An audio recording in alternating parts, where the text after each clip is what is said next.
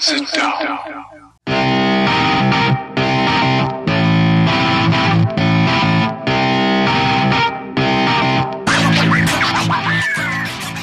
Witam wszystkich i każdego z osobna. Ja jestem Robert Kochan, a to jest Kochana NBA, najbardziej nieobiektywny podcast o najlepszej koszykarskiej lidze świata. To już 61 odcinek, a razem ze mną, jak zwykle, jest tutaj Wiaro. Siema Wiaro, co tam u Ciebie słychać w ten piąteczek? Siema Robert, cześć wszystkim. A no już mniej malowniczo niż jeszcze tydzień temu, e, no ale z drugiej strony mm, NBA nadgania w moim życiu emocjami, także e, mamy o czym gadać. Bardzo się cieszę, że będziemy zaraz rozstrzygać tutaj tematy, bo bardzo fajne tematy się na dzisiaj szykują. No właśnie, ciekaw jestem, czy rozstrzygać, czy e, łączyć się w peanach i, i zachwytach, bo dzisiaj chciałbym zacząć od pewnego bardzo szczególnego dżentelmena, i należy do tego grona szczęśliwców, którzy mogą powiedzieć, że żyją w jego czasach, tak? że mogą obserwować jego grę, że mogą cieszyć się tym, co, co on nam daje, co po prostu pokazuje na parkiecie. Bo Stephen Curry jest absolutnie niesamowity. Nie mogę uwierzyć po prostu, jak patrzę na tego gościa, to co on wyprawia na parkiecie. Jak widzę miny obrońców, którzy próbują go kryć, którzy bezradnie rozkładają ręce, patrzą na siebie, jakby mówili, wiesz, stary, zrobiłem wszystko, co tylko mogłem, a, a tu i tak e, tylko siateczkę było słychać, kiedy ta trójka e, z kilku, z kilku dobrych kroków za linii jeszcze wpadała po prostu do samego kosza. Fantastycznie gra Steph Curry w swoim 13 sezonie. 33 e, lata ma na koncie, no ale właśnie, rozmawialiśmy o tym na początku roku, o tych e, achievementach, które, które mogą być osiągnięte w tym sezonie. No i Stefowi się to już udało, więc e, jest liderem e, samodzielnym, e, jeżeli chodzi o, o ilość trafionych trójek w całej historii NBA. Przeskoczył Reya Allena właśnie w tym sezonie. Jest też liderem, jeżeli chodzi o mecze z co najmniej dziewięcioma trafionymi trójkami. No to jest w ogóle masakra, bo po wczorajszym meczu, gdzie znowu mu się to udało, ma ich na koncie 38, a kolejnych pięciu zawodników na liście ma w sumie 34. Na drugim miejscu jest Harden, na trzecim Lillard. Y, obaj mają po dziewięć takich meczów, w których e, trafili trójki y, właśnie dziewięć razy. No Steph absolutnie wszystkich deklasuje. Ma cztery w ostatnich sześciu meczach i aż dziesięć od kwietnia. Także od samego kwietnia, tylko gdyby Steph Curry grał, miałby więcej właśnie takich meczów z dziewięcioma trafionymi trójkami niż którykolwiek z innych e, zawodników. Więc e, no po prostu niesamowite, niesamowite, niesamowitą przyjemnością jest móc patrzeć na tego gościa, na to, co robi. I, no właśnie, no i, i, i co nam pokazuje. E, myślę, Wiaro, że, że ty pewnie podzielasz moje zdanie, nie? No, bez dwóch zdań absolutnie się zgadzam ze wszystkim, co powiedziałeś. No tutaj e, no ja już nie będę przy, przytaczał najróżniejszych rekordów, które Stef e, popobijał przez całą swoją karierę, ale jedna rzecz z tego, co powiedziałeś do mnie mm, mocno dotarła, a mianowicie to, że to już jest trzynasty sezon Stefa Karego, gdzie no ja dość dobrze i wyraźnie pamiętam e, moment draftu, kiedy Stef dopiero przyszedł do tej ligi i i pamiętam całą tą rewolucję, którą, którą właśnie przeprowadził. No, powiedziałeś to bardzo ładnie gdzieś na początku swojego wywodu, że mamy szczęście żyć w czasach Stefa Kerego. I, I, to jest tak naprawdę, można powiedzieć, w sedno, jeżeli chodzi o, o tutaj nasze rozmowy o, o tym kolesiu. No niesamowity jest Stef. To, co on wyprawia na boisku, to z jaką łatwością on gra, to jest też taki atleta naszych czasów. Wiesz, tego się może tak nie widzi, nie, nie widzi się tej, e, no na pewno się nikt nie porównuje nigdy Stefa Karego do, do, nie wiem, do Kevina Duranta czy do LeBrona Jamesa pod kątem tych atrybutów fizycznych, czy warunków fizycznych, jakie Stef ma, ale Stef to jest maszyna. Nie? Ludzie nie zdają sobie sprawy z tego, że ten gość potrafi biegać po prostu przez cały, przez 48 minut w meczu, praktycznie do znudzenia, Mm, no i każdy tak naprawdę obrońca, który, który naprzeciwko niego staje, no mówi to samo, nie? No, że po prostu no co więcej można zrobić. No biegam za nim jak szalony, a on i tak znajduje miejsca, żeby oddać rzuty. E, rzuty, które by się nieraz wydawało, że nie mają prawa wpadać. To już przecież parę lat temu mieliśmy słynne, słynną sytuację ze, ze e, Steve'em Kerem, który mm, się złapał za głowę w momencie, kiedy Steph oddał któryś ze swoich, można powiedzieć, stapled rzutów no i po chwili ta piłka oczywiście wpadła do kosza i, i, i, to złapanie się za głowę i pewnie chęć wyładowania emocji i powiedzenia w stronę Stefa paru cierpkich słów zamieniła się po prostu w, w śmiech i w takie rozłożenie rąk, no, no co można zrobić, nie? E, no i faktycznie, no, takich zawodników jest niewielu. Nie? Takich zawodników e, można naprawdę gdzieś tam liczyć na palcach jednej ręki, którzy do tego stopnia odmienili ligę, mm, bo tyle o ile też mamy oczywiście wielkie szczęście, że żyjemy w czasach takich zawodników jak właśnie, nie wiem, LeBron James czy, czy Kevin Durant, to umówmy się, że takiej rewolucji w koszykówce, jaką przeprowadził Steph Curry, no to ja nie pamiętam. Ja, ja ostatnim chyba tak, takim zawodnikiem, który do tego stopnia wymusił zmiany jakby tego, jak się gra w kosza w NBA, to chyba był Shaq. Nie pamiętam, który zawodnik e, inny miałby taki ogromny wpływ właśnie na to, jak, jak w ogóle się w koszykówkę po prostu w NBA gra. Mm, także tak, no ja się tutaj podpisuję obiema rękami pod wszystkimi tymi e, superlatywami, które kierujemy w stronę Stefa Karego. Mm, ciężko się naprawdę przyczepić w tym momencie do czegokolwiek, e, co ten gość prezentuje po tylu już latach. Najwyższy czas moim zdaniem, żeby zacząć po prostu, tak jak mówisz tutaj, śpiewać peony na jego cześć, bo no, zasłużył sobie na to. A właśnie tego się nie zauważa nieraz, nie? że to już 13 lat, e, to już 13 sezon Stefa Kerego. E, nie każdy jest LeBronem Jamesem. Być może faktycznie należy spojrzeć na to, że e, no już niedużo tej koszykówki na takim poziomie Stefowi może zostało. Także warto się delektować każdym meczem, warto się delektować każdym sezonem. No a w tym sezonie, no to tak jak już tutaj wspomniałeś, no maestria w wykonaniu tego gościa. Nie? No w pełni się zgadzam z tym, że jesteśmy starzy i, i że ten sezon y, to jest maestria. Zresztą ty wspomniałeś też e, Steve'a Kera, on bardzo fajną miał wypowiedź po którymś meczu, gdzie stwierdził, że no, on, chciał, on by to w sumie chciałby powiedzieć, e, że nigdy czegoś takiego w życiu nie widział, no ale w sumie to ogląda to już od siedmiu lat, więc nie może tak powiedzieć. E, więc, no Steve Kerr znowu, znowu się popisał. Um, a ten sezon, tak jak e, już właśnie wspominałeś, jest w wykonaniu Sefa fantastyczny. On trafił od samego początku już 85 trójek w tym sezonie, co jest rekordem, jeżeli chodzi o pierwsze 15 meczów w NBA w całej, w całej jej historii. Jest też liderem, jeżeli chodzi o plus-minus z wszystkich graczy w całej lidze. Tak? Ma najlepszy w sumie plus-minus e, w tych dotychczasowych meczach gra fantastyczny sezon i zwłaszcza ostatnio, te, te ostatnie sześć meczów e, w jego, w jego wykonaniu no, są, są naprawdę świetne. To, co zrobił przecież Netson w ich hali, e, gdzie nawet e, udało mu się usłyszeć z trybun okrzyki MVP, kiedy rzucał osobiste w hali przeciwnika, to jest nie takie łatwe. No ale w sumie nic dziwnego, bo rzucił im 37 punktów, trafiając w ogóle 63% z pola i 64 za 3, no i oczywiście wszystkie osobiste, to jeden z tych meczów, kiedy właśnie rzucił 9 trójek, e, no i sam Kevin Durant po meczu nie mógł się po prostu nachwalić Stefa, mówiąc, że ten gość gra no nawet nie na poziomie All-Stara, nie na poziomie MVP, ale, ale właśnie już na poziomie Hall of Fame. Więc e, ogromne słowa uznania e, ze strony Kevina Duranta. No i właśnie, Powiedz mi, jakim zawodnikiem jest teraz e, Steph Curry? Czy, czy to jest kandydat do MVP, czy to jest niemalże pewny MVP, czy to jest najlepszy zawodnik teraz e, w całej NBA? Mm, wiesz co, ja jeszcze tylko zwrócę uwagę na jedną rzecz, a może tak naprawdę podkreślę to, co mówiłem przed chwilą, że e, Steph naprawdę jest niedoceniany moim zdaniem pod kątem tego, jak to jest niesamowity atleta.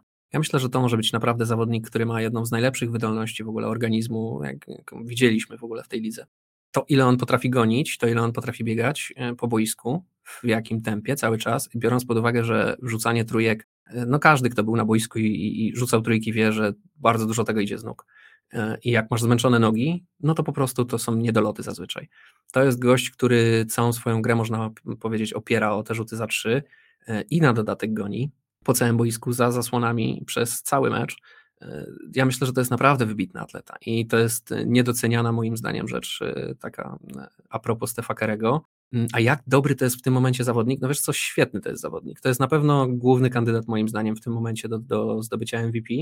Nikt się chyba nie zbliża specjalnie do jego, do jego poziomu, aczkolwiek Kevin Durant czy, czy Nikola Jokic gdzieś tam próbują go gonić, a nawet Mm, Paul George ostatnio gra w, w taki sposób, że też gdzieś się, się mówi w konwersacji o MVP, ale myślę, że jakbyśmy dzisiaj tą statuetkę przyznawali, jeżeli miałbym w tym głos i mógłbym, mógłbym zagłosować na kogoś, to pewnie bym zagłosował na Stefa Karego, biorąc pod uwagę oczywiście jeszcze jaki bilans ma Golden State Warriors. No jest to najlepszy zawodnik w, w tym momencie chyba najlepszej drużynie, mm, także no tak bym głosował, natomiast e, czy to jest najlepszy zawodnik e, w NBA w tym momencie. No mimo wszystko Steph gra w, w koszykówkę, która jest sportem, w którym warunki fizyczne bardzo dużo zmieniają. I mimo całego swojego geniuszu, no to ja uważam, że gdyby Steph Curry był po prostu większy, no to byłby jeszcze lepszy.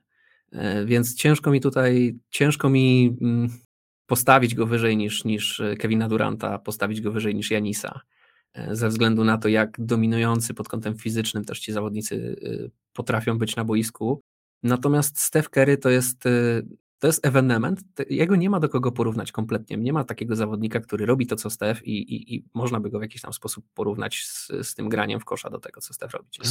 Stephen Curry dokładnie w ten sam sposób e, dominuje mecze, jak zawodnicy, o których ty wspomniałeś, tylko zupełnie inaczej, tak? W swoim stylu. On absolutnie zmusza obrony przeciwnika do robienia jakichś takich dziwnych wygibasów. Tak po prostu się trzeba pod niego dostosować. Jeżeli ten gość seryjnie po prostu zdobywa trójki, to naprawdę ciężko nadążyć za tymi Warriors, nie? No tak, ale jednak nie musimy brać pod uwagę, do jakich potworów go przyrównujemy, tak? E, do Kevina Duranta, czy do Janisa, czy do LeBrona Jamesa. No to są goście, którzy potrafią dominować e, w podobny sposób też jak Steph. No, no nie wiem, Durant w niczym mu nie ustępuje, jeżeli chodzi o rzucanie. Nie? No dobra, może troszkę mu ustępuje, ale no wiesz o co mi chodzi. Nie? Durant też jest na poziomie Stefa z bardzo dużą ilością e, umiejętności swoich koszykarskich stricte, nie? jeżeli chodzi o rzucanie, skuteczności, czy nie wiem, wchodzenie pod kosz, zdobywanie punktów ogólne, a Durant jest jeszcze przy okazji bestią w defensywie jak chce. No podobnie Janis. Janis może nie ma takiego rzutu i tak dalej. To są inni zawodnicy. No właśnie ciężko to wszystko porównywać. No na pewno nie powiedziałbym, że Steph, wiesz, w czymkolwiek tutaj ustępuje oprócz warunków fizycznych. On potrafi właśnie, tak jak mówisz, dominować grę w zupełnie inny sposób. Mm, no ale mimo wszystko to jest y, gra, w której te warunki fizyczne no mają ogromne znaczenie. Także no, ciężko mi tutaj postawić Stefa e, wyżej niż, niż e, Kevina Duranta czy Janisa w tym momencie. No to, co robi Janis, czy to, co robi Durant, to, co oni też e, są w stanie zrobić w meczu, co zresztą ostatnio Janis nam pokazał, no ciężko przejść obok tego w jakikolwiek, wiesz, obojętny sposób. Także mm, mimo, że, że, oczywiście uwielbiam Stefa, doceniam go nie, niezwykle i uważam, że to jest MVP na ten moment w lidze, to nie uważam, że jest najlepszym zawodnikiem w lidze. Jednak e, tutaj wciąż moim zdaniem e, to jest Kevin Durant lub e, Janis i dopiero później. Nie? Ja się tutaj cały czas waham, czy, czy Durant jest lepszym zawodnikiem od, od Janisa. Chyba jest, chyba bym się ku temu skłaniał, więc moja drabinka prawdopodobnie tak by wyglądała. A na czwartym miejscu prawdopodobnie LeBron James. Nie?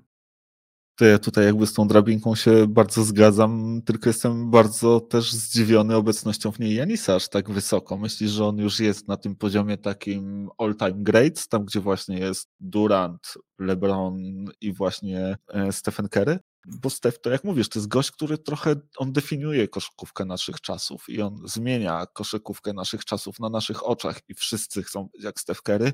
I możliwe, że tak jak Kobe Bryant zainspirował całą generację młodych ludzi i do tego właśnie w jaki sposób e, gra się w koszykówkę, tak myślę, że Steph jeszcze nawet bardziej może to zrobić i no widzisz wszystkie te filmiki gdzieś tam w social mediach, które się pojawiają, wszyscy chcą być jak Steph, nie? I to jest też ciekawe, że, że ten gość jest w jakiś sposób też ikoną e, naszych czasów, no ale jest, jest w sumie ku temu świetny powód po prostu, no gra w ten sposób, że, że nie da się, nie da się tego nie kochać, tak? Mm, jak najbardziej, ale wiesz, no tutaj mówimy bardziej, to co ty przedstawiłeś, no zdecydowanie Steph Curry ma większy impact na koszykówkę i na NBA niż Janis, to bez dwóch zdań i medialnie i właśnie tak jak mówisz i, i ta historia i to jak on właśnie zmienił koszykówkę, jak się, jak, jak to, że dzieciaki chcą grać tak jak Steph Curry, tak, to, że w ogóle drużyny grają inaczej w tym momencie, to, że, to, że center teraz musi umieć rzucać trójki, a przynajmniej mile widziane jest jak umie rzucać trójki, tak, to już nie jest umiejętność. Mile widziane jest, jak nie jeździ na łyżwach, bo to jest też ciekawe. Tak, bo, no, bo w ten sposób też, też trzeba, nie? Tak, dokładnie. Po switchu, jak, e, jak się rzeczywiście zmienisz tam na zasłonie, to można wylądować na naprawdę solidnym lodowisku i te nogi tam się krzyżują niejedne. Dokładnie, także nie no, tutaj bez dwóch zdań e, Steph mia, ma zdecydowanie większy i miał zdecydowanie większy impact na ligę i na koszykówkę jako tako e, niż Janis, ale czy jest e, lepszym zawodnikiem? Wiesz, no Janis dominuje jak, no od Szaka nikt tak nie dominował jak Janis potrafi dominować. No pamiętasz jeszcze, co było parę miesięcy temu w finałach, no to chyba nie są że, aż tak stare dzieje. Żeby nie było. E, ja nie mówię, że Janis tam nie puka, tak? Że on już gdzieś tam nie, nie, stoi zaraz za drzwiami i nie czeka w kolejce, żeby go wpuścić do środka, no ale mimo wszystko nie jestem pewien, czy to jest już aż ten top of the top of the top, tak wiesz, tak historycznie, nie? Nie, że w danym momencie, tylko że tak w ogóle, nie? O, o, nie, no to okej, okay. historycznie, no to jak najbardziej. Janis jeszcze ma, Janis ma krótką jeszcze karierę, nie? To ja bardziej tutaj właśnie to rozumiałem na zasadzie, kto jest najlepszym zawodnikiem teraz po prostu w lidze, nie? koszykarzem, tak to ujmę. I, I tutaj e, widzę Janisa, ale jak najbardziej historycznie się zgadzam. No jednak, wiesz, no Stef e, osiągnął troszkę więcej niż Janis w swojej karierze.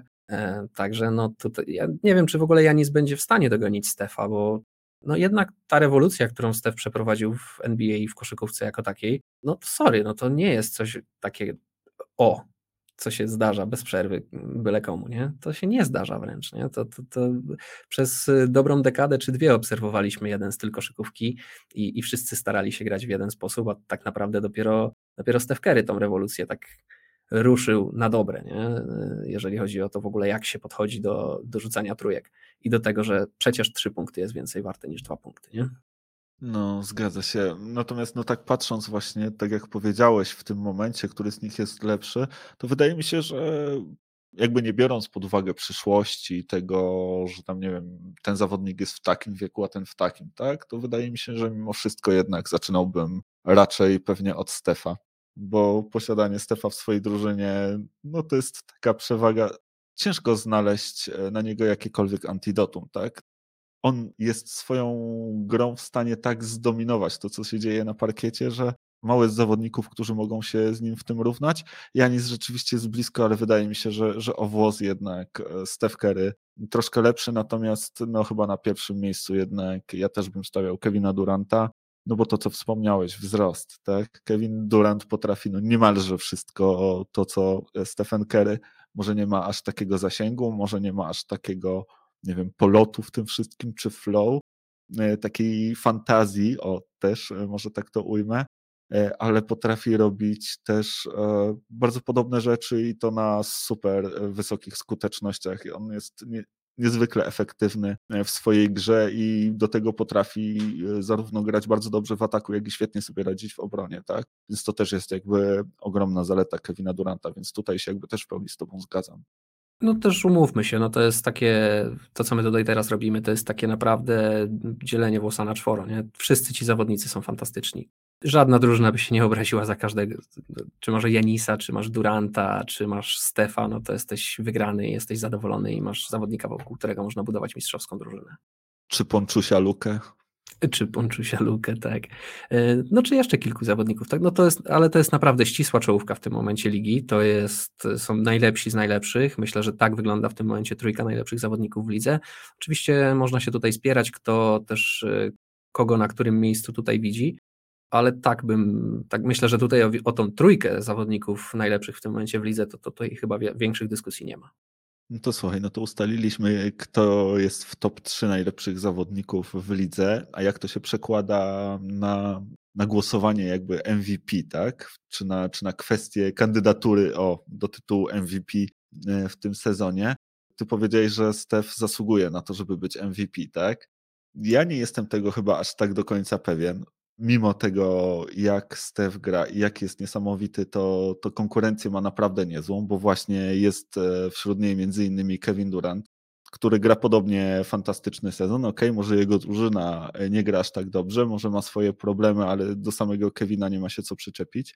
No ale właśnie jest też ubiegłoroczny MVP, czyli Jokic, który gra po prostu, nie wiem, najbardziej chyba monstrualny ofensywnie sezon w całej historii koszykówki, jeżeli chodzi o PER, statystycznie. Player, tak, statystycznie, dokładnie tak. Jeżeli chodzi o PER, czyli Player Efficiency Rating, no to ma on właśnie największy w historii, e, ponad 35 a nikt y, wcześniej, ani Wilt Chamberlain, ani Michael Jordan w swoich najlepszych sezonach, ani nawet Janis nie przebili granicy 32 punktów, więc to ponad 35 robi ogromną różnicę.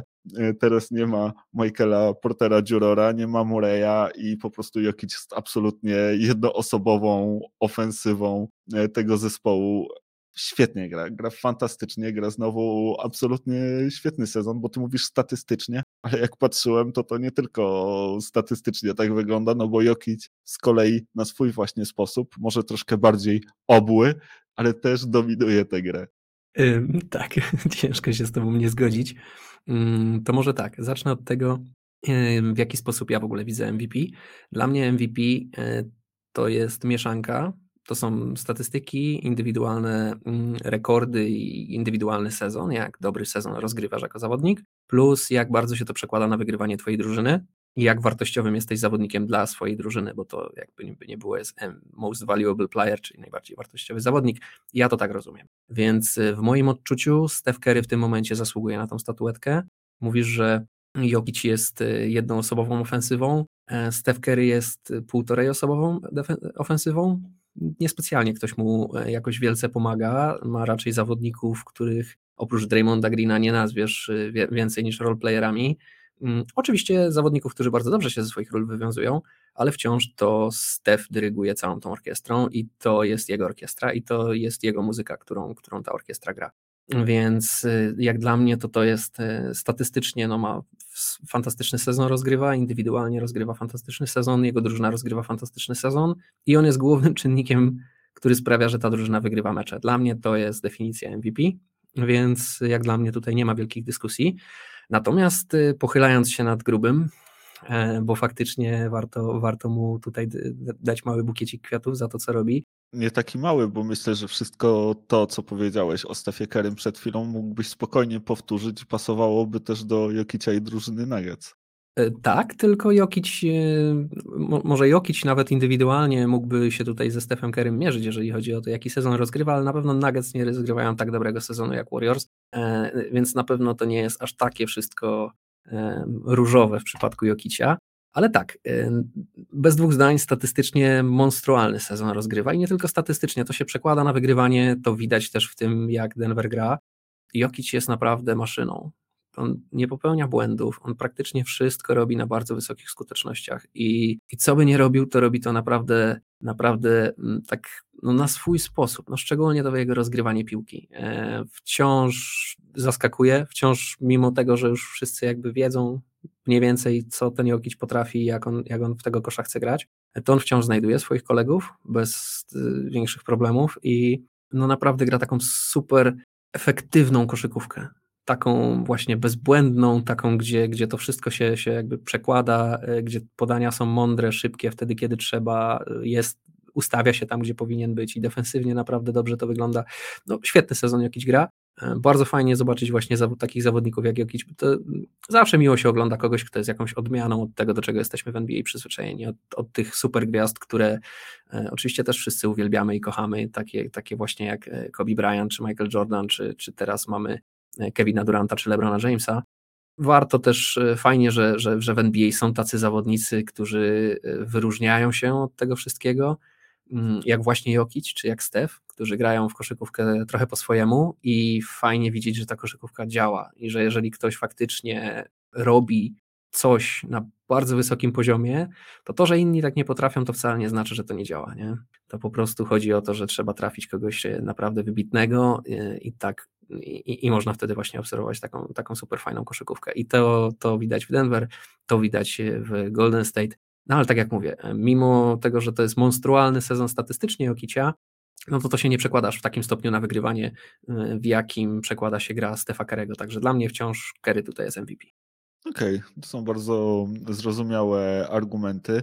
Mnie u Jokicia jeszcze gdzieś tam, zostając na sekundkę w jego temacie, bardzo podoba się zwłaszcza to, co robi, jeżeli chodzi o zbiórki, bo te 13,8 zbiórki, które robi średnio w tym sezonie, to jest naprawdę imponujące. Rzadko się zdarzają zawodnicy chyba, którzy robią średnio 14 zbiórek na mecz, będąc jednocześnie też tak jakby zaangażowani w całą grę y, swojego zespołu. Więc to jest naprawdę e, fajne i, i imponujące. No i właśnie wydaje mi się, że to między tą trójką przede wszystkim rozstrzygnie się na koniec ta, ta rywalizacja MVP. No chyba, że ktoś tam jeszcze wystrzeli rzeczywiście do góry ale że to będzie właśnie albo Kerry, albo Durant, albo, albo Jokic. No zobaczymy, komu uda się też zachować tę formę niezwykłą przez cały sezon, tak? A, a kto ewentualnie odpuści, zawsze się może też zdarzyć jakaś tam mała kontuzja czy coś takiego. Zresztą Steph ostatnio też już narzekał przed meczem z Cavaliers na uraz biodra, że coś tam się nie do końca czuł.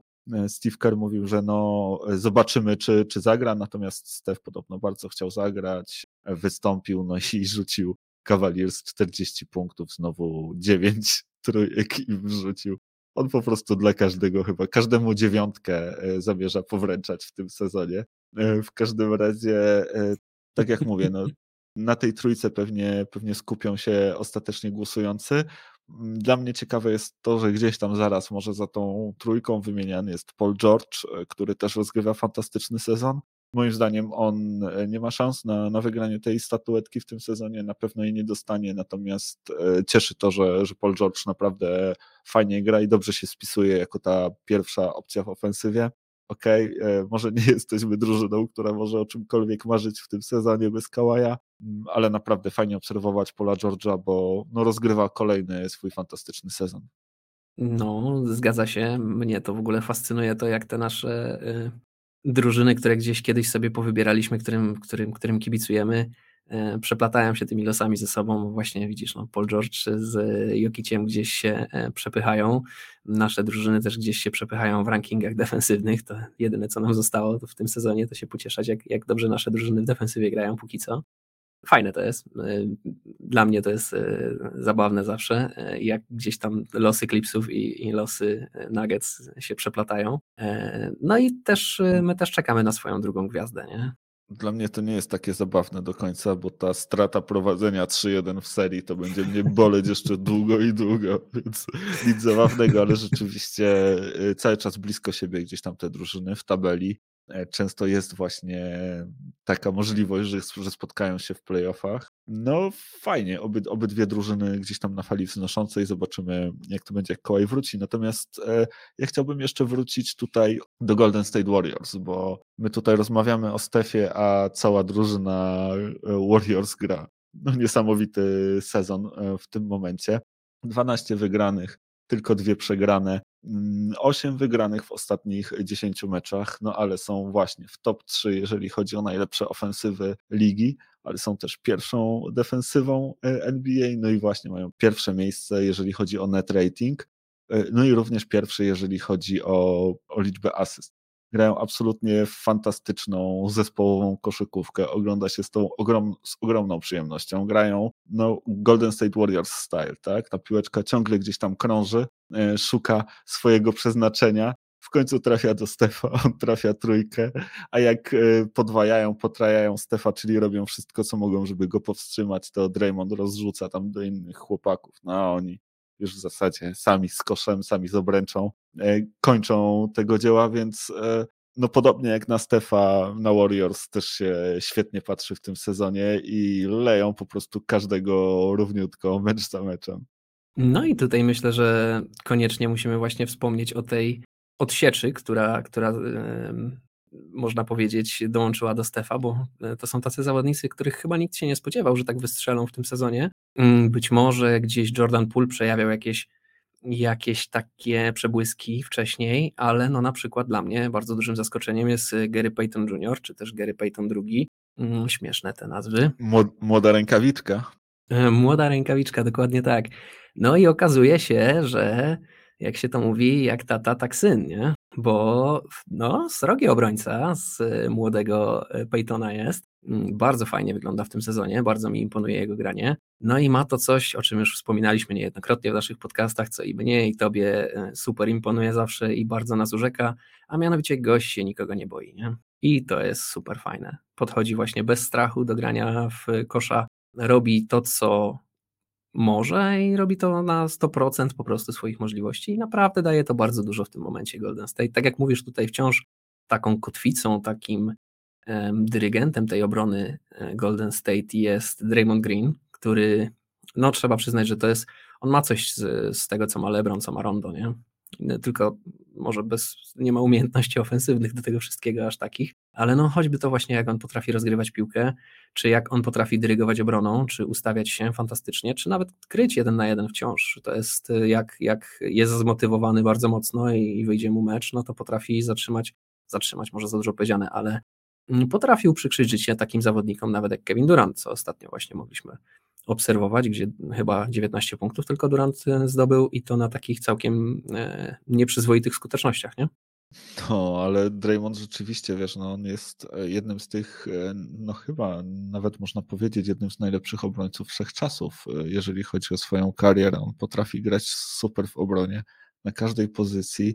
No nie na darmo, wiesz, zdobywał tytuł e, Defensive Player of the Year, tak? Więc e, no naprawdę jest obrońcą elitarnym i to się odbija też na grze defensywnej drużyny Warriors. E, ty wspomniałeś tutaj o tym supporting castie, to też jest bardzo ciekawe, bo to gdzieś tam mi przypomina pewne czasy. Ja już to kiedyś widziałem, ja już to kiedyś słyszałem. Było takie hasło Strength in Numbers, tak? W kupie siła, że tak powiem, e, dokonując swobodnej translacji.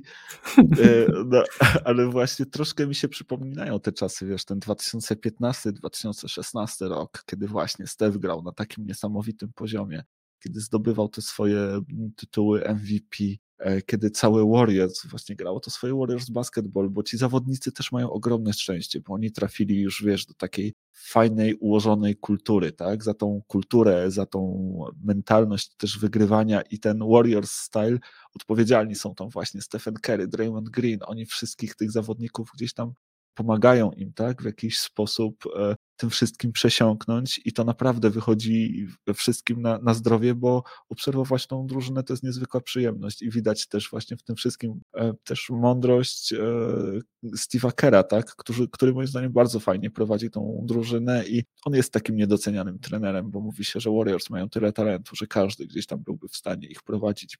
Przypomina się to też jak na przykład sam Luke Walton, tak, który Sacramento jakoś, no może się okazać, że zaraz zostanie zwolniony, ale też właśnie jaki tam miał ten, e, ten rany z nimi, kiedy e, Steve, Steve Kerr miał problemy z plecami. E, no ale właśnie, moim zdaniem to jest też gość, który bardzo dużo wnosi do gry, do tego zespołu, bardzo fajnie tym wszystkim zarządza, ma po prostu idealną też mentalność, tak mi się wydaje, do tego i to wszystko razem, no to jest coś fantastycznego. I tak jak mówię, bardzo przypomina mi e, te czasy e, właśnie 2015-2016 rok, no bo wtedy też był ten, ten trząs zespołu i oprócz tego właśnie banda takich e, młodych zawodników chętnych do gry, chętnych do tego, żeby podążać za pewną wizją i trochę w ten sam sposób to wygląda. No i właśnie teraz tylko czekać, co będzie, jak wróci Clay, nie? No właśnie, właśnie chciałem nawiązać, bo mówisz tutaj o młodych chłopakach, e, którzy są pełni sił, e, chętni do biegania i do gry, a nie, na, nie możemy zapominać o tym, że jest tutaj jeszcze przynajmniej dwóch takich solidnych weteranów. No tak jak właśnie mówisz, Clay Thompson, który wciąż jest nieobecny, no a umówmy się, że to jest to nie jest wsparcie jakiegoś tam mini kalibru, nie? To, to jest shooter wszechczasów. To jest być może drugi najlepszy rzucający zawodnik ever e, po Stefie Kerym. Mm, no w każdym razie snajper z najwyższej półki, gość, który potrafi zdobywać po 30 punktów w kwarcie, więc y, to nie jest y, jakiś tam po prostu grajek, który dołączy do, do, do drużyny. To jest bardzo solidne wzmocnienie. Clay to jest jeden z moich ulubionych zawodników, twoich zapewne też. E, świetny obrońca, no i naprawdę snajper z najwyższej póły. To, co on potrafi wyprawiać, to naprawdę jego rekordy też e, są takie, że jak ktoś to przytacza, to się człowiek łapie za głowę, tak? Tam 40 e, punktów na 11 dotknięciach piłki i inne tego typu rzeczy, nie? To są chore rzeczy, nikt inny takich, takich cudów nie robi, oprócz rzeczywiście Stefa, więc no ci goście jeszcze mają na dodatek tą swoją więź na boisku, to jak oni grają ze sobą. Także no, tylko się bać. A jeszcze jest do tego wszystkiego Andrzej Gadala, który przeżywa czwartą czy piątą młodość swoją, nie? I gra naprawdę, no, no wierzyć się nie chce, że Igi jeszcze na takim poziomie jest w stanie grać. E, fantastyczny moim zdaniem, taki weteran, generał, trochę mm, wsparcie, e, być może pół na pół na boisku by się wydawało, a, a, a druga połowa z ławki, tak mentalnie wspierać tych chłopaków, właśnie tak jak mówisz, tą, tą też młodą ekipę, no a okazuje się, że wcale na boisku nie odstaje w niczym tutaj, tak, Igi. Także też jestem mocno tym wszystkim zaskoczony. E, no, jakby tak popatrzeć z perspektywy kibiców e, Golden State, no to wydaje się, że wszystko się układa mm, pod drogę do mistrzostwa, nie? O właśnie o to cię zaraz chciałem zapytać, czy Golden State Warriors są właśnie teraz najlepszą drużyną ligi, czy są w ogóle najlepszą drużyną ligi i właśnie jednym z kandydatów do wygrania zachodu i e, wszystkiego, tak? I finału NBA, może nawet nie jednym z kandydatów, może jednym z głównych e, faworytów. Czy tak będzie? Ty wspomniałeś tutaj, że Clay na pewno im w tym pomoże. On już e, powoli szykuje się do powrotu z tego co słyszałem, to dostał już pozwolenie na udział w treningach 5 na 5, więc to już jest ten pełen kontakt. E, to, to jest coś, co wydaje mi się już no zdecydowanie przybliża go i niewykluczone, że jeszcze w tym roku, jeszcze w grudniu na przykład, zobaczymy Kleja Thompsona mm, znowu na parkietach NBA. Natomiast, e, no właśnie, czy, czy to sprawia, że ta drużyna jest już głównym kandydatem do mistrzostwa? Ja nie jestem, powiem Ci szczerze, tego taki pewien. Nie jestem pewien, czy to, co tak fantastycznie działa w sezonie zasadniczym, będzie też możliwe w playoffach, czy ci młodzi zawodnicy zdołają udźwignąć presję playoffów, czy nie skończy się znowu tak, że kolejny trener zastosuje, nie wiem, taktykę box and one i, i, i, po prostu rzuci wszystkie, e, wszystkie siły na, na, na Stefa, inni zawodnicy niech sobie rzucają i, i, i, i liczcie na ich e, skuteczność za trzy, tak? Takich Wigginsów, właśnie nie wiem, e, Jordana Pula, którego bardzo lubię, no ale też wiadomo, jest, jest młodym streaky shooterem, czy, czy na skuteczność zatruje, zatruje, zatruje Monda Greena, tak? Więc ja nie jestem pewien, e, jak to, jak to będzie wyglądało, w jakiej formie ten Clay wróci, czy no właśnie, czy on będzie potrafił wspiąć się na ten swój wysoki poziom, czy będzie potrzebował jednak na to czasu, może dużo czasu. Jednak w tą koszykówkę bardzo długo nie grał ta kontuzja, to też nie przelewki, bo to jednak poważna kontuzja, więc nie jestem e, tego taki absolutnie pewien, czy mm, Golden State Warriors są aż tak dobrą drużyną, czy jeżeli czy jeżeli spotkaliby się właśnie, nie wiem, z Brooklyn Nets, czy, czy z Milwaukee Bucks, to czy to wszystko byłoby aż takie piękne i kolorowe? Wydaje mi się, że w tym momencie są najlepszą drużyną, grają najlepszą koszykówkę w całej lidze. Jeżeli to utrzymają, no to, no to oczywiście. Natomiast no, myślę, że playoffy mogą jednak tutaj dużo zmienić, no bo jednak inaczej się troszkę jednak gra i kryje w playoffach niż w sezonie zasadniczym, a to nie do końca może sprzyjać Stefowi i tej drużynie. No, ja bym tutaj zdecydowanie chłodził zapały. Słuchaj, to jest jednak tak, że ja widziałem, jak ta drużyna przegrywa. Ja widziałem, jak ta drużyna przegrywa e, prowadząc 3-1. Mm, ja widziałem, jak e, niejednokrotnie LeBron James potrafił zatrzymać Stefa Karego. E, więc to też nie jest tak, że to, co oni grają, jest absolutnie nie do powstrzymania. No, są w tym momencie w gazie. I oczywiście wszystko, co powiedzieliśmy na temat Stefa i tego, jak fajnie się go ogląda e, i jak, jak, jaki przywilej tak naprawdę żyć w czasach Stefa Kerego, to 100% racji jest. Natomiast to wcale nie znaczy, że to jest e, zawodnik, który sprawia, że twoja drużyna jest nie do pobicia i będzie wygrywać wszystkie mecze. No absolutnie tak nie jest. Mimo tego, że oczywiście wszystko to wygląda bardzo fajnie i tak jak wspomniałem, no z perspektywy kibiców e, Golden State, no wszystko się układa, tak? Masz, ma, mają świetnego trenera, mają bardzo fajną drużynę, mają świetne gwiazdy, y, ekipę właśnie supporting cast, bardzo dobry. Mm, są w tym momencie w gazie, grają bardzo dobrą koszykówkę, a jeszcze wraca Clay. No, wszystko to wygląda cacy, natomiast umówmy się, mm, jest kilka potworów, jest kilka bestii w tym momencie w lidze, kilka na wschodzie, kilka na zachodzie. Nie wiadomo tak naprawdę, jak, jak to wszystko się skończy. Na pewno. A jakie te bestie na zachodzie są?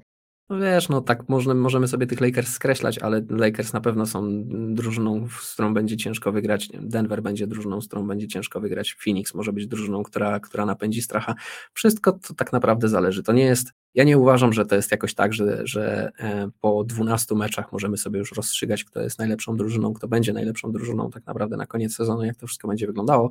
Na ten moment na pewno bardzo optymistycznie bym patrzył na Golden State, na pewno daje im duże szanse na to, że będą jedną z lepszych drużyn. W tym momencie, jeżeli utrzymają to wszystko, jeżeli wróci Clay i będzie grał fenomenalnie, a ja akurat tego się po nim spodziewam, to jak najbardziej myślę, że będą bardzo groźni, myślę, że mają duże szanse na to, żeby do finałów trafić.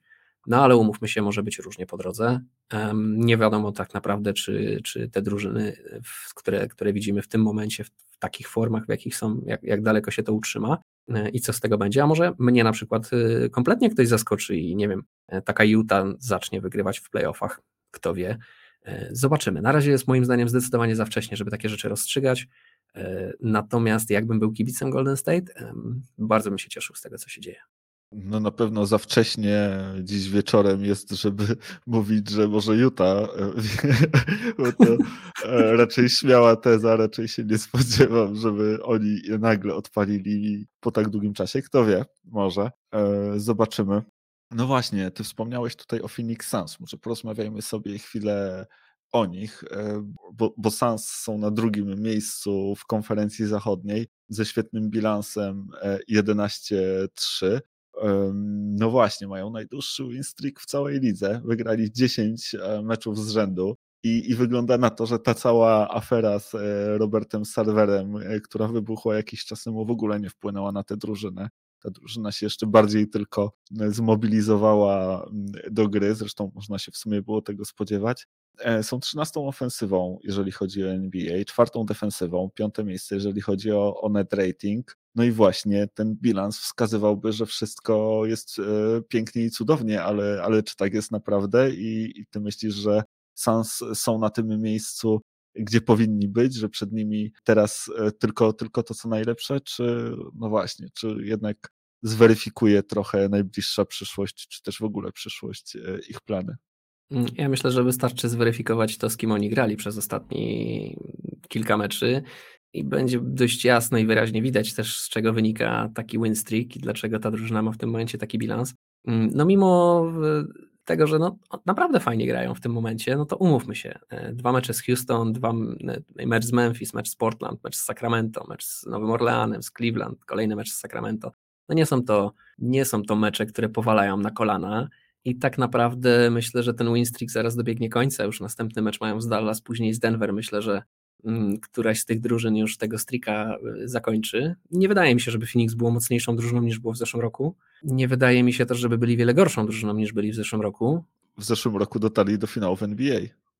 Nie no, jasne, wszystko zgoda, no tylko, że też umówmy się, no nie wszystkie drużyny były e, w pełni e, zdrowe, w pełni sił i w pełni swoich możliwości. Zachód był, zresztą wschód też był e, mocno przetrzebiony, jakby nie było w zeszłym roku. Zobaczymy, jak to będzie wyglądało w tym roku. Na pewno są taką drużyną, która będzie gdzieś w okolicach top 4. Być może to będzie czwarte miejsce, być może to będzie piąte miejsce, być może to będzie drugie miejsce, a być może nawet pierwsze. Natomiast nie, no nie spodziewam się po nich póki co wiele więcej. E, wciąż jakby uważam, że to jest dobra drużyna, której jeszcze brakuje, e, żeby można było mówić o jakichś tutaj poważnych rzeczach. Jednak Chris Paul mm, to nie jest już taka super gwiazda, jaką, jaką tam potrzeba, żeby, żeby z Devinem Bookerem i Aytonem e, stworzyć prawdziwą wielką trójkę. No i Ayton też jeszcze mi musi sporo udowodnić, no ale być może to się wydarzy w tym roku. No zobaczymy. Na razie grają bardzo fajnie. Fakt, że mają, no, mieli dość prosty kalendarz, więc ja bym tutaj nie, no nie oceniałbym tego pod takim kątem, że to jest jakiś teraz faworyt do, do mistrzostwa czy do wejścia do finałów, ale na pewno jest to mocna drużyna na zachodzie i na pewno w playoffach będą groźni i na pewno w tych playoffach będą grali z jakichś wysokich miejsc. No ja się tutaj właśnie z tobą zgadzam, że, że to się wydaje być bardzo solidna drużyna i ja pamiętam też w tamtym roku, który, który przywołałeś, o tym, że jak my bardzo też nie docenialiśmy tych Phoenix Suns, nie? gdzie cały czas mówiliśmy, a młodzi, niedoświadczeni Suns, co oni będą w stanie osiągnąć. E, nie wierzyliśmy w nich totalnie, no i popatrz, e, jak nas zaskoczyli. Rzeczywiście tamten sezon był specyficzny pod wieloma względami, no ale właśnie Suns jakby nie stracili z tej jakości, oni ciągle są fantastyczną drużyną z takiego zespołowego punktu widzenia. Tam Monty Williams e, świetną robotę robi, no ale ma też tam kto grać, bo, bo wspomniany przez ciebie Chris Paul, no wiadomo, on już jest nadgryzany coraz bardziej tym zębem czasu i to odbija się na jego grze. Natomiast ta gra ciągle wygląda fantastycznie, bo 14 punktów średniej i 10 asyst to nie są przelewki i to na naprawdę solidnych skutecznościach e, z pola. Ten gość ciągle jest mózgiem tej drużyny. Do tego no, znowu naprawdę kolejny fajny sezon gra Devin Booker. Ale ta gra rozkłada się troszkę po, po całym tym zespole, tak? Bo, bo taki Bridges też potrafi bardzo dużo fajnej jakości do tej gry wnieść. E, mówiłeś o Ejtonie. Ejton akurat wystąpił tylko w ośmiu meczach e, w całym tym sezonie nie wystąpił e, we wszystkich meczach. No i powiem Ci, że ja myślę, że ci Sans, no to oni jednak trochę mocni są i akurat faktycznie ten kalendarz do tej pory mieli łatwy, ale to wcale nie będzie tak, że Sans tutaj nagle zaczną seryjnie przegrywać. Raczej wydaje mi się, że właśnie oni będą gdzieś tam w tym e, topie konferencji zachodniej. Wiadomo, tam może być ciasno, tam wspomniane na przykład przez ciebie Utah również może gdzieś tam w tych e, terytoriach operować, więc pewnie będą się zespoły wymieniały ostatecznie miejscami, ale właśnie celowałbym w Phoenix e, w tą górną część e, konferencji zachodniej i ja myślę, że ten zachód to trochę otwarty jest, więc nie zdziwiłbym się, gdyby znowu w jakimś szczęśliwym zbiegu okoliczności Phoenix nawet znowu wylądowało w finałach. No też im daje na to szansę. No tak jak mówisz, nie wiem, czy bym nazwał to otwarty, ale na pewno jest wyrównany. No w sumie to chyba na jedno wychodzi. Faktycznie nie ma jakichś tutaj takich faworytów e, murowanych, gdzie widziałbyś, że to jest drużyna, która po prostu no, wyrasta ponad poziom i wydaje się, że po prostu jest najzwyczajniej lepsza, nie? No na, na, pewno musimy też poczekać na powrót LeBrona Jamesa, nie? żeby zobaczyć znowu tych Lakers, jak oni wyglądają gdzieś tam w tej pełni sił, w pełni swoich umiejętności, bo oni na pewno też będą gdzieś definiować tę siłę zachodu. No i wiesz, łatwo się mówi, jak LeBrona się nie widziało tam od paru tygodni widzimy Lakers, którzy sobie no, radzą jak potrafią, czasem lepiej, czasem gorzej, ale, ale jakoś tam sobie radzą. Natomiast to, co jest w stanie wnieść LeBron do tej drużyny, no to to on też potrafi zdominować ta, tę grę, tak jak wcześniej wspominani przez nas zawodnicy, tak? Więc e, no właśnie, może się okazać, że, że, że przyjdzie LeBron, no i będziemy jednak mówić, że wcale ten zachód taki otwarty nie jest, że, że znowu Lakers są głównymi kandydatami do tego, żeby go wygrać ale powiem Ci szczerze, że, że taka rywalizacja z Golden State, gdzie znowu moglibyśmy obserwować właśnie e, LeBrona Jamesa przeciwko Stefowi Keremu, mm, no to to by było znowu coś wspaniałego i to są chyba tacy główni rywale, jeżeli chodzi o te nasze czasy, o te nasze erę krzykówki, jeżeli mielibyśmy gdzieś tam wskazywać właśnie takich głównych rywali, którzy stają przeciwko sobie, to chyba właśnie celowałbym w LeBron versus Steph jako taki wyznacznik tej ery.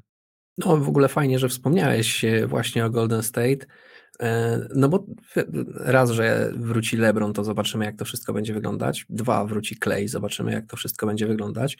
E, a trzy, może to trochę homersko zabrzmi, ale jak Murray wróci, to też zobaczymy, co, co będzie. No Denver też może być bardzo mocny, jeżeli się okaże, że e, Jokic utrzyma cały czas swoją grę i będziemy cały czas grali taką defensywę, jaką gramy i do tego wszystkiego jeszcze dołożysz Jamala Murray'a, no to może być naprawdę wybuchowo w Denver. Więc, y, no tak jak mówisz, i, i Zachód wydaje się być równy, Zachód wydaje się nie mieć w tym momencie jakiegoś takiego murowanego faworyta, i jest kilka drużyn, które zapewne o to e, o ten tytuł zawalczą, żeby być właśnie takim faworytem na zachodzie. E, ja tutaj widzę właśnie Lakersów, widzę tutaj Golden State, e, widzę tutaj Denver ale być może właśnie będzie jakiś czarny koń pokroju Juty czy, czy Phoenix, bo to też są zespoły, które na pewno w sezonie zasadniczym będą fajnie wyglądały i myślę, że będą właśnie biły się tutaj o wysokie miejsca e, w konferencji. Zobaczymy, co potem będzie w playoffach. No bo jednak playoffy to jest co innego. Ja już widziałem, jak Denver wygrywa, ja już widziałem nieraz, jak LeBron James wygrywa. No i widziałem oczywiście, jak Steph wygrywa i Golden State, więc to są sprawdzone marki. Wiadomo, że można na nich e, w jakiś sposób stawiać. E, a też wiesz, no, są jeszcze wciąż nierozstrzygnięte kwestie, o których akurat dzisiaj nie rozmawiamy, ale mm, Damian Lillard wciąż gra w Portland, e, Ben Simmons wciąż gra w Filadelfii. Kto wie, jak to będzie wyglądać na koniec sezonu, czy któreś z drużyn na zachodzie na przykład nie wzmocni się jeszcze takim zawodnikiem. Także ja bym widział w tym momencie trzech y, takich cichych faworytów do tego, żeby być faworytem, e, a w tym momencie Zachód super wyrównany i zobaczymy, jak będzie to wszystko dalej wyglądać. Ktoś, tak jak mówię, raczej ten tytuł zgarnie.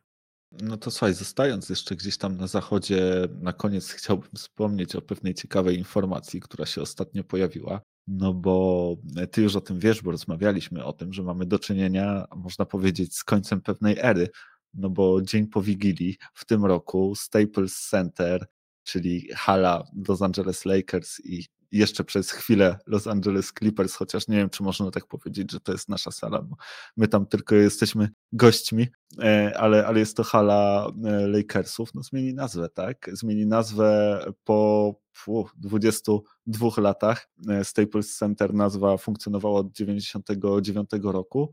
No i właśnie teraz stanie się troszkę linkiem, bo nazwa, nowa nazwa hali będzie brzmiała crypto.com arena, czyli crypto.com arena.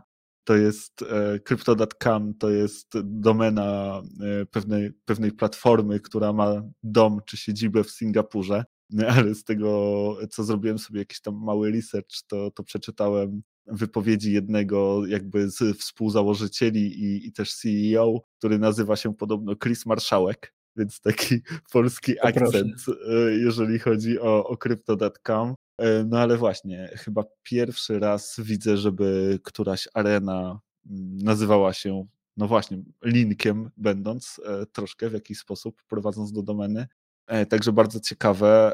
Cała transakcja mm, no, na ogromną kwotę, tak mi się wydaje, bo, bo to też było tak, że Staples Center miała wykupione prawa do nazwy na wieczność, więc kiedy już pojawili się chętni, a, a pojawiło się ich całkiem sporo i to już podobno od wielu lat jakieś tam propozycje były składane, Natomiast no właśnie teraz e, postanowili, że, że ta nazwa ulegnie zmianie i e, Crypto.com rywalizowało podobno do samego końca z Netflixem o to, kto zostanie jakby tularnym sponsorem e, hali, płacąc za to ostatecznie 700 milionów dolarów, więc ogromna kwota, no i pewnie przyda się Lakersom, nie? Ja wiem, czy im się przyda, oni chyba na kasę nie narzekają. Powiem Ci tak, no dla mnie to taka trochę do dupy ta zmiana, nie? Jakbym był fanem Lakers, to bym, to bym psioczył strasznie na to. No, jednak Staples Center y, ma ogrom emocji najróżniejszych ze sobą związanych, wspomnień, nostalgii i wszystkiego innego. Lakers są zespołem z Los Angeles, który naprawdę ma kasiorę. Nie, nie, nie wydaje mi się, żeby potrzebowali sprzedawać nazwę, do, nazwę swojego stadionu czy też swojej areny. No, dla mnie to będzie o tyle fajne, że teraz będę mógł szydzić z naszych e, znajomych, którzy kibicują Lakers. E, będzie fajnie im podocinać, że mieli taką, taką fajną, kultową wręcz nazwę w swojej areny, no i się po prostu sprzedali najzwyczajniej w świecie. No wiesz, no to są ogromne pieniądze, to jest świat też ogromnych pieniędzy, zapewne nie ma się czemu dziwić, ale ja jak dobrze wiesz, ja nie jestem fanem tych zmian, nie podobało mi się to nigdy, jak, jak, jak nazwy aren się zmieniały. Bardzo lubiłem TD Garden, bardzo lubiłem Rose Garden, niespecjalnie mi odpowiada, że teraz zupełnie inaczej się te, te areny nazywają. Także no nie jestem wielkim fanem takich ruchów, no ale cóż, no biznes się musi kręcić, nie? No rzeczywiście zmiana Rose Garden na Moda Center w Portland nie jest najlepsza z mojej perspektywy. Ja, no. ja, ja, też nie jestem, e, nie jestem fanem tej nazwy, czy zmiany tej nazwy e, i na pewno nie byłbym e, fanem jej, gdybym był kibicem Lakers. Na szczęście jestem kibicem Clippers. To jest jeden z tych niewielu momentów, kiedy mogę to powiedzieć. My się już niedługo stamtąd wyprowadzamy, pakujemy walizki z tej naszej szatni mieszczącej się w piwnicy i będziemy przeprowadzać się do swojej e, nowej areny w Inglewood, e, więc tutaj crypto.com zostawimy Lakersom. My będziemy mieć swoją nową, piękną i błyszczącą arenę. I Inuit Dome, tak? No dokładnie tak. Ciężka do wypowiedzenia i zapamiętania nazwa, natomiast sama arena absolutnie prześliczna. Już była ceremonia wkopywania pierwszych łopat, więc się, więc się buduje. Na pewno trzeba będzie poczekać chwilę, ale już się nie mogę tego doczekać. Natomiast wracając gdzieś tam jeszcze do Staples, no to właśnie, rzeczywiście dla mnie to jest w jakiś sposób e, koniec ery i dla mnie osobiście to jest koniec ery Kobiego Bryanta, bo to jest gość, który absolutnie kojarzy mi się ze Staples Center. Na pewno to jest e, era Kobiego Bryanta, ja ją tak zapamiętam, no i w ten sposób też chyba myśli Vanessa Bryant, bo ona, ona zatweetowała właśnie, że że Staples Center zawsze będzie takim domem, który Kobi pomógł e, zbudować. No i ja właśnie troszkę też tak na to patrzę i tak to pozostanie chyba w moich wspomnieniach. Będę słyszał Staples, będę myślał Kobi. No to jest chyba najbardziej w punkt, jak się da. Ciężko tutaj naprawdę cokolwiek dodać. E, Vanessa podsumowała to idealnie. E, tak jak mówisz, no to dla wszystkich, myślę, fanów Lakers, fanów Kobiego, będzie się to jedno z drugim zawsze kojarzyło. Wszystkie, cała kariera Kobiego to było Staples Center, wszystkie jego sukcesy, wszystkie jego upadki, porażki, cała, cała ta mm, huśtawka, cała, cały ten roller coaster jego kariery um, odbył się w tej hali i no, no, ogrom wspaniałych wspomnień, tak jak mówisz, kultowych zdjęć. To wszystko na pewno będzie się zawsze kojarzyło z Kobe Bryantem. No i może to jest właśnie jakieś takie też znamienne, że, że, że teraz jest czas, e, żeby faktycznie Staples zmieniło swoją nazwę. No i będzie można ten, ten rozdział tak po prawdzie uznać za zamknięty, nie? No, natomiast no, dla mnie to ciągle, ciągle będzie trudno i będę miał ogromny problem z tym, żeby się przestawić i pewnie prawidłowo wymawiać nową nazwę tej areny. Co ciekawe, z całej zmiany zrobiony zostanie też ogromny show marketingowy, bo tak jak wspomniałem, nastąpi ona 25 grudnia, czyli w Christmas Day, kiedy Lakers zmierzą się z Nets, kiedy będzie w ogóle największa oglądalność w całym roku, więc crypto.com zamierza tutaj jakby mocno wejść e, z reklamą. To jest platforma, która oferuje bodajże zakup e, kryptowalut. Ja życzę Lakersom, żeby nie zmienili się w kryptodrużynę, e, kiedy, kiedy taki, taki sponsor będzie znajdował się jakby w tytule areny. Mam nadzieję, że to się, to się nie, nie, nie odbije na nich w żaden sposób. No i cóż, no i szkoda mi troszkę, szkoda. Dzisiaj też rozmawialiśmy o, o kolejnej kultowej arenie Madison Square Garden. Ciekawe, e, co by było, gdyby na nią tutaj e, miał znaleźć się jakiś e, kupiec, jaka, jaka byłaby cena, bo to też jest niesamowicie kultowe miejsce i niesamowicie też pewnie prestiżowe, jeżeli chodzi o, o nazwę choć pewnie troszkę już też przestarzałe, nie, nie takie jak te nowoczesne hale, jak, jak na przykład ta, ta w San Francisco, którą mają Golden State Warriors, no ale właśnie, miejsca absolutnie, absolutnie kultowe. No, coś za coś. No, coś, co jest nowe, nie może być kultowe. No, to jest taka zasada. No tak, no. Dla mnie to by była już absolutna taka, ta, taka, taki wyznacznik czasów, że wszystko jest na sprzedaż, gdyby Madison Square Garden faktycznie zostało sprzedane i i nazwa, nazwa Madison Square Garden się zmieniła na nie wiem, Nike Arena.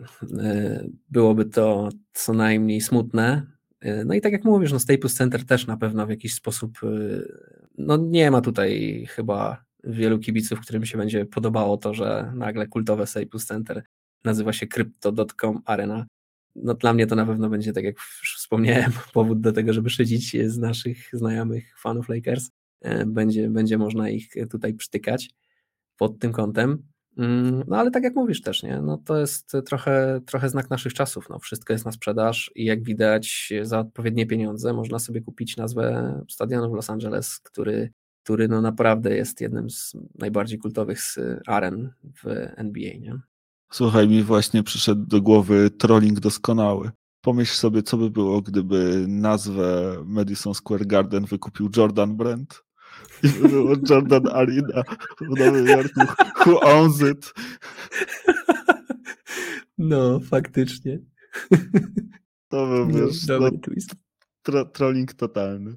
E, dobrze, słuchajcie, dziękujemy Wam bardzo, że byliście z nami. E, oczywiście, jeżeli macie do nas jakieś pytania, chcielibyście o czymś z nami porozmawiać, możecie to w bardzo łatwy sposób zrobić. Wystarczy, że napiszecie do nas na kontakt małpka.kochana.nba.pl albo uderzycie bezpośrednio na Facebooku. E, lubimy czytać Wasze komentarze, więc zachęcamy Was do, do tego, żebyście pisali, co tam Wam e, w głowie siedzi. E, oczywiście, jeżeli jeszcze nie wiecie, no to też ostatnio dołączyliśmy do, do społeczności YouTube'a. Mamy tam swój kanał Kochana NBA, więc jeżeli jeszcze nie byliście, to też wpadnijcie, zostawcie łapkę w górze, to na pewno nam pomoże. No i co? I już za tydzień e, pewnie 62 odcinek, nie? E, i na, na, na który już teraz e, serdecznie Was zapraszamy i życzymy Wam miłego tygodnia pełnego fajnych koszykarskich emocji w NBA. No jak zwykle nic dodać, nic ująć. Trzymajcie się cieplutko i do usłyszenia za tydzień. Cześć. Trzymajcie się, cześć.